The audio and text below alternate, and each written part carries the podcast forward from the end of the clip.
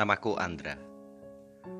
Kali ini aku akan mencoba untuk melanjutkan kisahku bersama Mas Andi.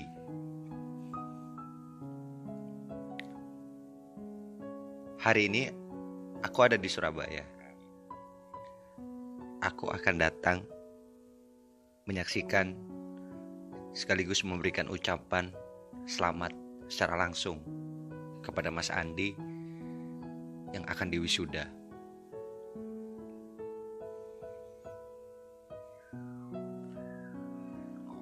Sesampainya di kampus, aku bisa melihat Mas Andi sedang bersama istri dan juga keluarganya. Aku memilih untuk menunggu momen yang tepat untuk bisa mendekat dan memberikan ucapan selamat kepada Mas Andi. Hingga pada akhirnya, ketika aku melihat Mas Andi yang sedang berfoto ria dengan rekan-rekannya, dan aku melihat keluarga besarnya beserta istri Mas Andi bergegas sedang menuju ke warung atau kantin di sekitaran kampus. Aku pun langsung menghampiri Mas Andi. Dikala dia sedang tidak bersama keluarganya itu. Aku hanya mengucapkan selamat ya atas wisudanya. Semoga ilmunya bermanfaat di hadapan Mas Andi dan juga teman-teman Mas Andi sesama wisudawan. Waktu itu, Mas Andi cukup keheranan dengan kedatanganku secara tiba-tiba tanpa memberikan kabar kepada dia. Dra, kamu datang, Dra. Aku senang banget, Dra. Kata Mas Andi kepadaku. Iyalah, Mas.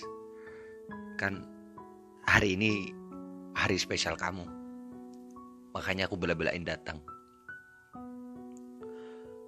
Tapi Indra, kok kamu tahu Mas kuliah di sini? Aku pun menjawab, tahu dong. Dengan sedikit mengejek dan juga tawa. Karena kurang pintar. Dari perbincangan itu, tiba-tiba ada sosok seorang laki-laki menghampiri Mas Andi dan juga teman-teman Mas Andi. Dia memberikan selamat dan ternyata laki-laki itu adalah dosen Mas Andi. Setelah dosen itu memberikan ucapan selamat, dosen itu melihat ke arahku dan dia langsung secara spontan, dia langsung berbicara dan menyapaku. Pak Chandra, aku cukup kaget di hadapan Mas Andi dan juga dosennya Mas Andi itu. Aku pun menjawabnya, Pak Herman, Masya Allah Pak. Akhirnya kita ketemu lagi di sini. Pak Chandra, ada agenda apa di sini? Kata Pak Herman bertanya kepadaku. Aku pun menjawab, Oh iya Pak, jadi ini sahabat saya sedang di wisuda hari ini. Jadi saya datang untuk mengucapkan selamat dan memberikan kado spesial lah di hari wisudanya dia. Waktu itu aku pun tidak memberikan informasi secara langsung siapa sebenarnya sahabat yang aku maksud di depan Pak Herman. Pak Herman mulai bercakap-cakap denganku di hadapan Mas Andi. Pak Chandra bagaimana? Dengan proposal untuk pembukaan fakultas S2 kemarin. Pasti ACC lah ya. Wah, bakal ada program studi baru di sana. Di situ, aku melihat ekspresi Mas Andi yang agak kebingungan dengan pembicaraan kita berdua. Dia hanya terdiam. Sesekali, Aku melihat muka Mas Andi yang agak cemberut. Pak Herman berkata, Pak Chandra bagaimana perbandingan mahasiswa Bapak di sana sama di sini? Aku pun menjawab, sama aja kok Pak. Mas Andi mulai mengamati perbincangan kita berdua. Sesekali aku masih melirik ke arah Mas Andi. Mungkin kali ini dia mulai tahu kalau aku adalah seorang dosen dari percakapanku dengan Pak Herman tadi. Tidak lama setelah itu, aku pun melihat kalau keluarga besar Mas Andi sedang menuju ke arah Mas Andi. Lalu aku melanjutkan obrolan bersama Pak Herman sembari mengalihkan menuju dan berjalan ke arah kantin untuk ngobrol sambil ngopi di kantin. Itulah sebagian caraku untuk meninggalkan Mas Andi yang akan kedatangan keluarganya. Tidak lama ketika aku dengan Pak Herman berada di kantin itu, akhirnya Mas Andi mengirimkan sebuah WA kepadaku. Dra, Mas balik dulu ya. Nanti kabar-kabar aja.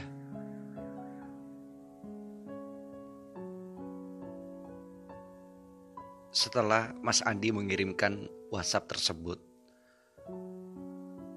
aku tidak langsung membalasnya karena aku sedang bersama Pak Herman.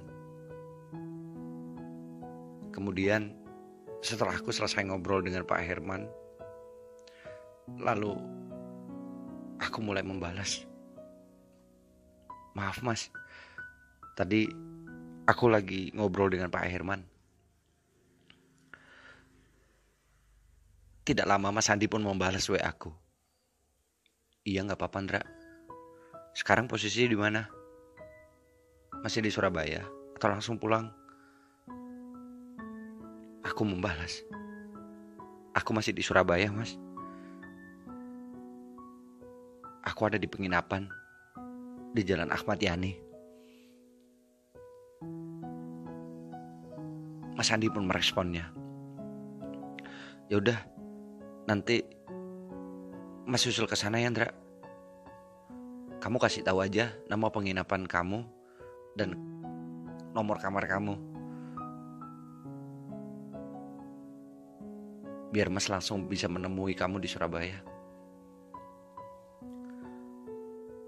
Aku pun memberikan informasi dan bertanya kepada Mas Andi. Mas, bukannya Mas lagi bareng sama keluarga?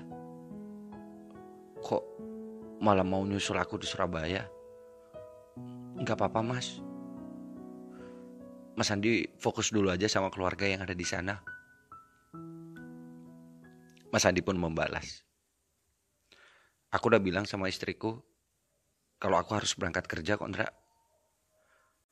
Dan aku juga sudah memberitahukan kepada atasanku kalau hari ini aku izin cuti. Dan atasanku memberikan izin Oh gitu mas. Ya udah nggak apa-apa, mas ke sini aja. Hati-hati di jalan ya. Jangan ngebut. Akhirnya setelah semua urusan Mas Andi selesai. Mas Andi memberikan kabar kalau dia sedang menuju ke Surabaya. Kurang lebih satu jam, Mas Andi sampai di penginapan yang aku tempati dia mengirimkan WA kepadaku. Ra, aku sudah di lobi tempat kamu menginap. Aku tunggu di bawah aja ya. Aku menjawab, ya mas tunggu sebentar ya, biar aku yang turun. Akhirnya, aku bisa bertemu dengan Mas Andi. Kita pun berjabat tangan, selayaknya seorang sahabat baik karena di lobi banyak tamu yang lain. Aku sedikit berbincang sebentar dengan Mas Andi di kursi yang tersedia di lobi penginapan itu. Mas Andi cepat banget sampai di sini. Mas Andi ngejawab, Yendra deket kok sebenarnya. Rumahku dengan Surabaya. Tinggal injak pedal gas juga udah sampai. Jangan dibiasakan lah mas ngebut-ngebut begitu. Takutnya membahayakan yang lainnya juga kan. Akhirnya aku persilahkan Mas Andi menuju kamarku di penginapan. Kami tidak ngobrol banyak sih dalam perjalanan menuju kamarku. Karena waktu itu di lift juga sedang banyak orang. Sehingga kita berdua hanya diam saja. Setelah sampai di kamarku, aku pun mau persilahkan Mas Andi masuk. Aku masuk dan tepat di belakangku Mas Andi menyusul masuk. Mas Andi yang menutup pintunya. Waktu itu Mas Andi langsung memelukku dari belakang dengan sangat erat hingga aku sedikit susah bergerak. Aku sempat protes dan aku bilang, Mas, aku susah gerak nih. Napasku sedikit tersengau-sengau. Mas Hadi tidak menghiraukan itu. Dia tetap memelukku dengan eratnya. Mas kangen kamu, Ndra. setelah sekian lama kita nggak bisa bertemu. Mungkin hari ini Tuhan memberikan izin kita untuk bertemu. Dra, kenapa ya? Kamu harus sembunyikan semua ini dariku. Apa yang kusembunyikan, Mas? Udahlah, Aku udah tahu kok Ndra. Ternyata feelingku nggak salah. Dari awal ada sesuatu yang kamu sembunyikan dengan rapat. Dari pekerjaanmu yang katanya kamu bilang hanya seorang yang bertugas untuk ngomong anaknya orang. Ternyata kamu lebih dari itu, Ndra. Jujur, Mas kagum sama kamu. Aku pun menjawabnya. Gini-gini mas. Tidak pernah ada yang aku sembunyikan dari Mas Andi kok. Ya, Mas tidak pernah bertanya hal semua itu kan. Jadi aku nggak perlu menjelasin dengan panjang lebar. Toh suatu saat Mas Andi juga aku yakin akan tahu sendiri dan ternyata mas, hari ini Mas Andi udah tahu.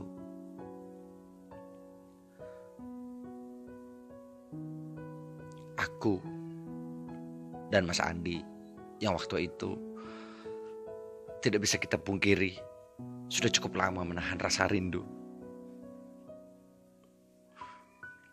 Cukup lama kita tidak bisa bertemu secara langsung.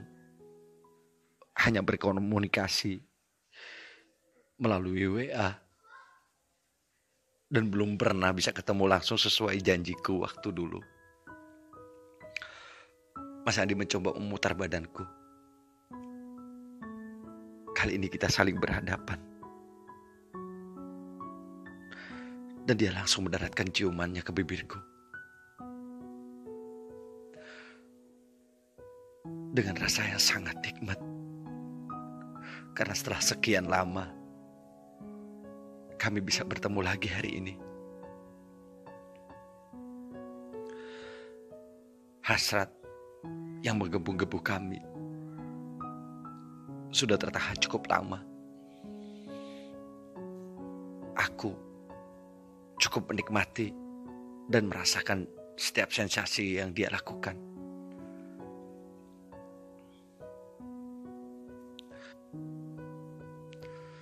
Waktu itu, tidak bisa kita pungkiri lagi.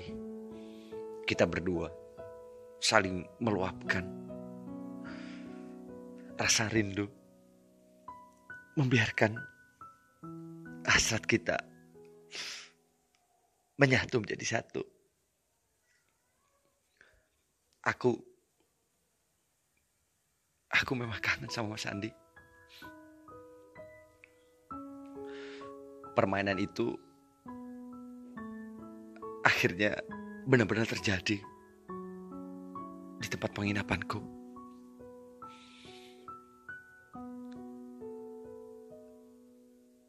Sudah tidak ada yang menolak dari antara kita. Aku juga sudah tidak bisa bohong dengan perasaanku. Kalau aku juga sayang sama Mas Andi.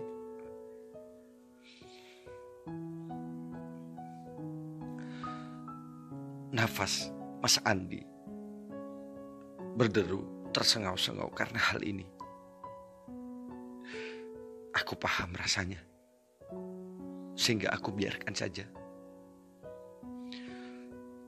Hingga permainan itu pun selesai. Kita berdua membersihkan diri, bahkan saling membantu membersihkan badan. Setelah selesai mandi, Mas Andi berkata, Drak kita jalan yuk. Aku menjawab, mau ke mana mas? Ya kita muter-muter kota Surabaya aja.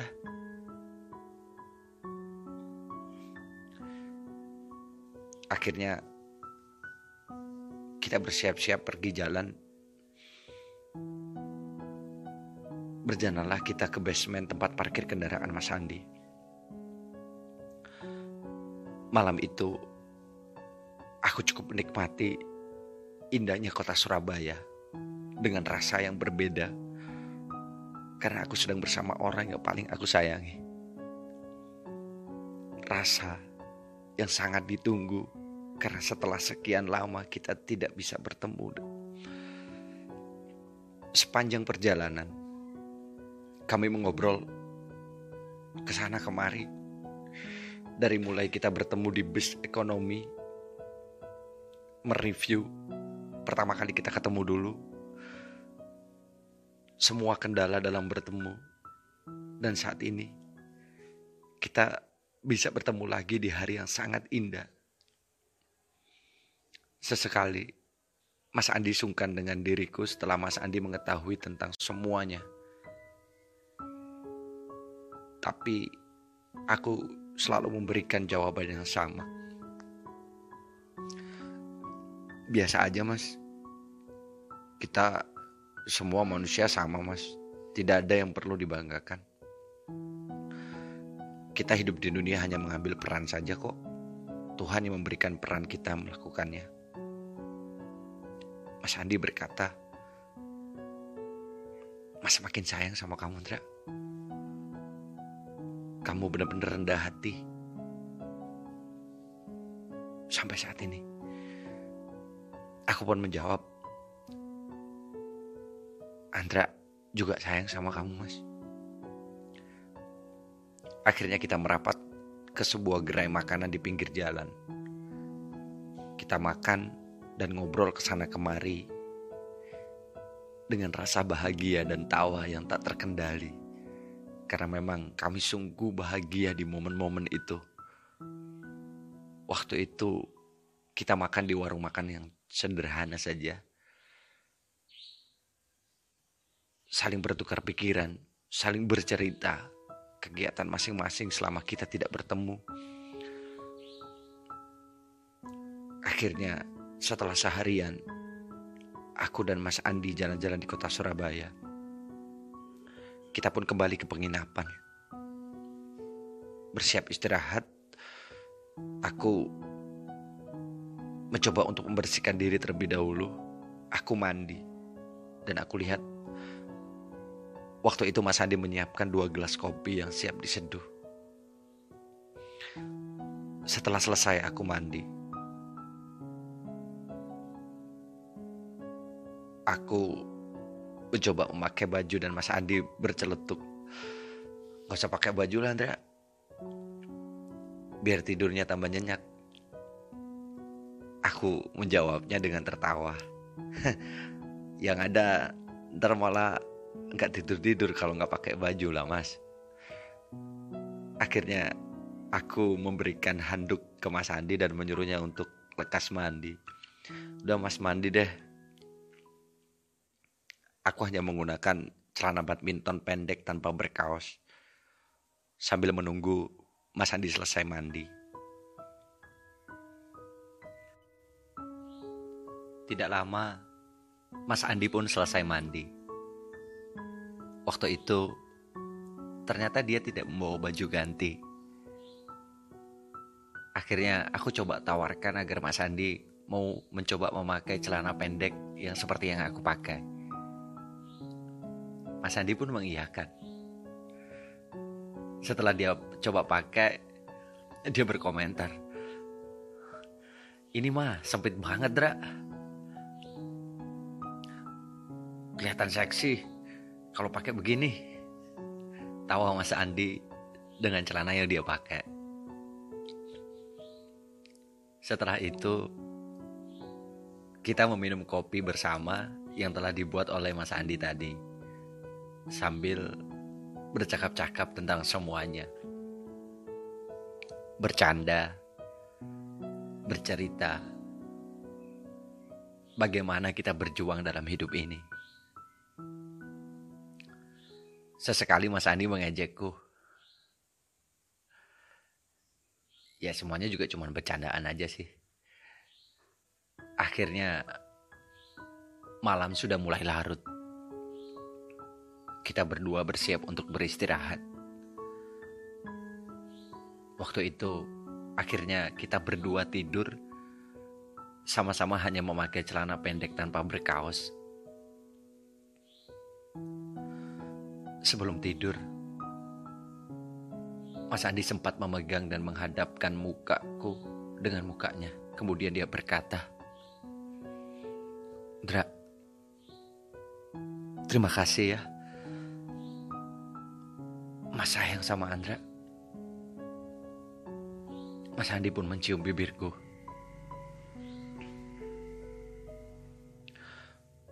Waktu itu aku bilang ke Mas Andi tentang pendidikanku. Tapi aku tidak bilang ke Mas Andi kalau aku dapat beasiswa S3 ku ke luar negeri waktu itu. Aku merespon Mas Andi.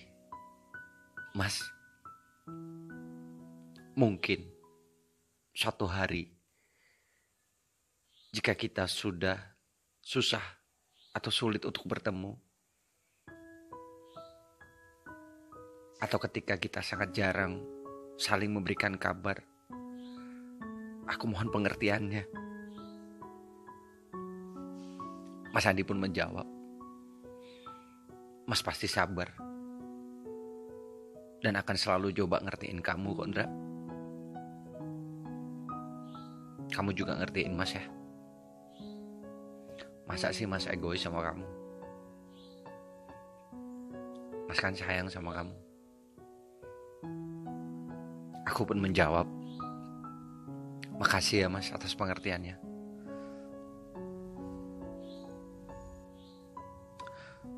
Sampai saat itu, aku belum bilang ke Mas Andi kalau aku akan meninggalkan Mas Andi dalam waktu yang mungkin cukup lama. Karena aku harus berangkat ke Bangkok, Thailand untuk melanjutkan pendidikan S3 ku di Universitas Mahidol Bangkok. Karena waktu itu beasiswa pengajuan S3 ku telah diterima pihak kampus. Aku masih sangat ragu untuk mengatakan itu kepada Mas Andi. Aku tidak mau keharmonisan, kemesraan pada malam itu akan menjadi sebuah kesedihan ketika aku harus mengucapkan itu. Akhirnya, kita berdua pun tertidur. Pagi harinya, aku bangun lebih awal daripada Mas Andi. Aku coba pandangi wajah Mas Andi dengan seksama. Dalam hatiku aku menggumam, Ya Tuhan, aku sayang sama dia. Orang yang cukup tampan yang pernah aku kenali di tempat umum seperti itu. Parasnya terlihat begitu menarik buat aku. Meski dalam keadaan dia masih tertidur pulas. Tuhan, jaga dia. Jika aku terbang ke negara sebelah untuk menuntut ilmu, tolong jaga dia. Aku sangat menyayanginya. Tidak lama aku pun langsung bergegas mandi. Sesaat setelah mandi, aku mulai berpakaian dan membuat dua cangkir kopi untuk aku dan Mas Andi. Sambil membaca berita dan sesekali aku coba cek email serta membalas WA yang belum aku balas sebelumnya. Sambil aku menunggu Mas Andi yang masih tertidur pulas waktu itu. Mungkin Mas Andi sedang capek dengan rutinitasnya seharian kemarin. Sehingga dia membutuhkan istirahat lebih. Cukup lama, aku terbangun sendiri. Sampai akhirnya Mas Andi pun terbangun. Dan kaget dengan adanya aku yang ada di depannya. Duduk di kursi sambil memegang secangkir kopi dan ponselku. Udah bangun, Mas? Iya, Indra. Mas Andi kemudian bangun dari tempat tidurnya dan langsung mau menciumku. Aku waktu itu agak sedikit menolak. Ah, pagi-pagi belum mandi, mandi sana dulu biar ganteng. Siaplah. Mas Andi langsung bergegas ke kamar mandi dan mandi. Setelah selesai mandi, kita pun sama-sama menikmati secangkir kopi yang telah kusiapkan tadi. Obrolan ringan sambil menikmati nikmatnya kopi pagi hari. Hingga akhirnya kita turun ke bawah untuk sarapan pagi. Selesai sarapan, kita keluar penginapan sebentar karena waktu itu aku ingin merokok. Mas Andi pun menemaniku di luar penginapan dan hanya melihatku merasakan nikmatnya hisapan rokok itu. Aku iseng coba sesekali menawarkan rokok ke Mas Andi. Mas temenin rokok lah, Mas Andi meraih sebatang rokok yang aku tawarkan. Dia mungkin ingin merasakan asap rokok yang telah dihisap. Mas Andi lalu mencoba untuk menyalakan rokoknya dan menghisapnya. Sampai dia batuk-batuk karena asap rokok yang dihisap itu. Aku pun mencoba bercanda ke Mas Andi. merek rokoknya bukan itu yang cocok sama Mas Andi. Makanya Mas Andi batuk-batuk. Aku sambil tertawa dan mengejek dia. Mas Andi pun menjawabnya, Cancuk kamu Dra. Dan aku hanya tertawa tanpa membalas ucapannya. Lalu Mas Andi bergegas untuk menyuruhku untuk naik ke kamar. Naik lagi Undra. Kita ke kamar dan siap-siap untuk check out dari penginapan itu. Akhirnya kita pun berpindah ke kamar, kemudian beres-beres semua baju dan lain-lain di kamar agar bersih. Check out lah kita dari penginapan. Mas Andi membantuku membawa ranselku. Mas Andi bilang, Aku antar kamu Hendra. Boleh mas? Akhirnya Mas Andi mengantarku di jalan utama dekat terminal Bungu Rasi untuk mendapatkan bus yang akan berangkat ke kotaku. Di dalam mobil, aku akhirnya bilang ke Mas Andi. Sepertinya sudah waktunya aku harus menyampaikan sejujurnya. Aku harus memberanikan diri untuk menyampaikan itu ke Mas Andi. Mas, jika suatu hari kita sangat jauh, Mas Andi yang sabar ya. Jika komunikasi kita agak sedikit tersendat, aku mohon pengertiannya. Dan jika bulan-bulan depan kita belum bisa bertemu seperti ini, tolong Mas Andi tunggu aku. Waktu itu Mas Andi pun membalas ucapanku. Ada apa sih sebenarnya, Ndra? Kamu ngomong apa? Cerita yang jelas dong, jangan setengah-setengah begitu.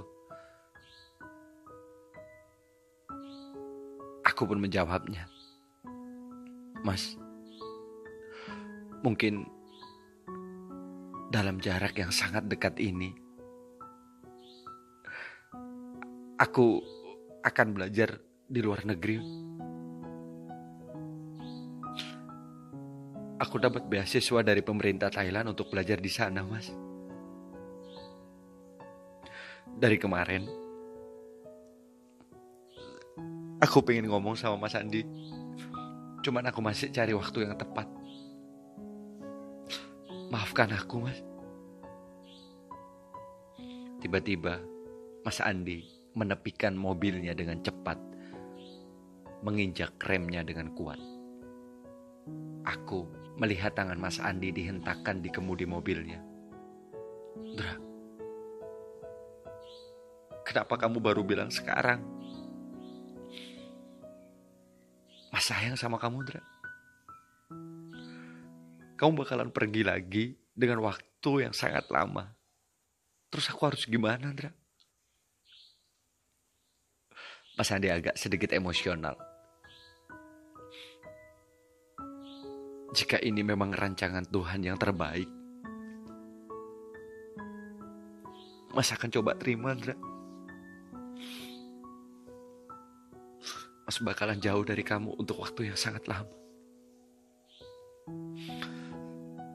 Aku akan coba untuk selalu dukung kamu sepenuhnya tanpa ada keraguan. Tapi jujur, Ndra, Mas cukup kecewa. Kenapa waktunya harus sesempit ini? Dia mengucapkan itu sambil mengusap muka dengan kedua tangannya. Aku pun hanya terdiam. Dan sesekali aku menjawab. Kita masih bisa WA-an kok mas. Kita masih bisa chatting kita masih bisa video call meskipun jauh. Tolong mas ngertiin posisiku. Aku juga gak pengen jauh dari kamu mas. Aku juga pengen, paling gak sebulan sekali, dua minggu sekali, atau ada agenda untuk berkunjung ke rumah dinas Mas Andi di Surabaya. Tapi Tuhan ngasihnya seperti ini. Tidak lama, kita pun sampai di area terminal Bungurasi. Dan ketika bus merapat di depan mobil Mas Andi, aku pun bilang ke Mas Andi, Mas, aku pamit ya. Sebelum aku keluar dari mobil Mas Andi, waktu itu Mas Andi memelukku dengan sangat erat. Dia mencium bibirku dengan seksama. Sesekali dia merasa kecewa dengan ini semua. Karena mau tidak mau kita harus berpisah kembali. Mas Andi bilang, Aku sayang sama kamu, Andra.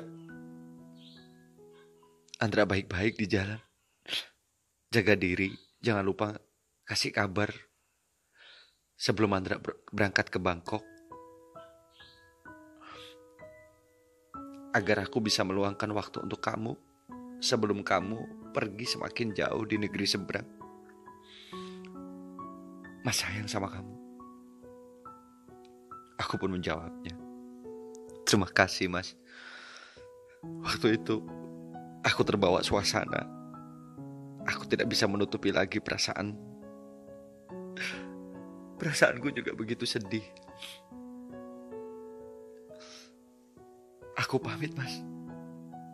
Mas juga jaga diri di sini. Jaga kesehatan.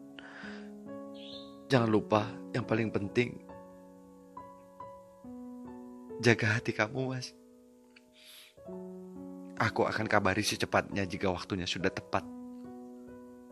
Aku sayang sama kamu. Akhirnya aku pun menaiki bus dan berangkat ke kotaku dengan rasa sedikit berat karena meninggalkan Mas Andi dengan informasi keberangkatanku ke Bangkok.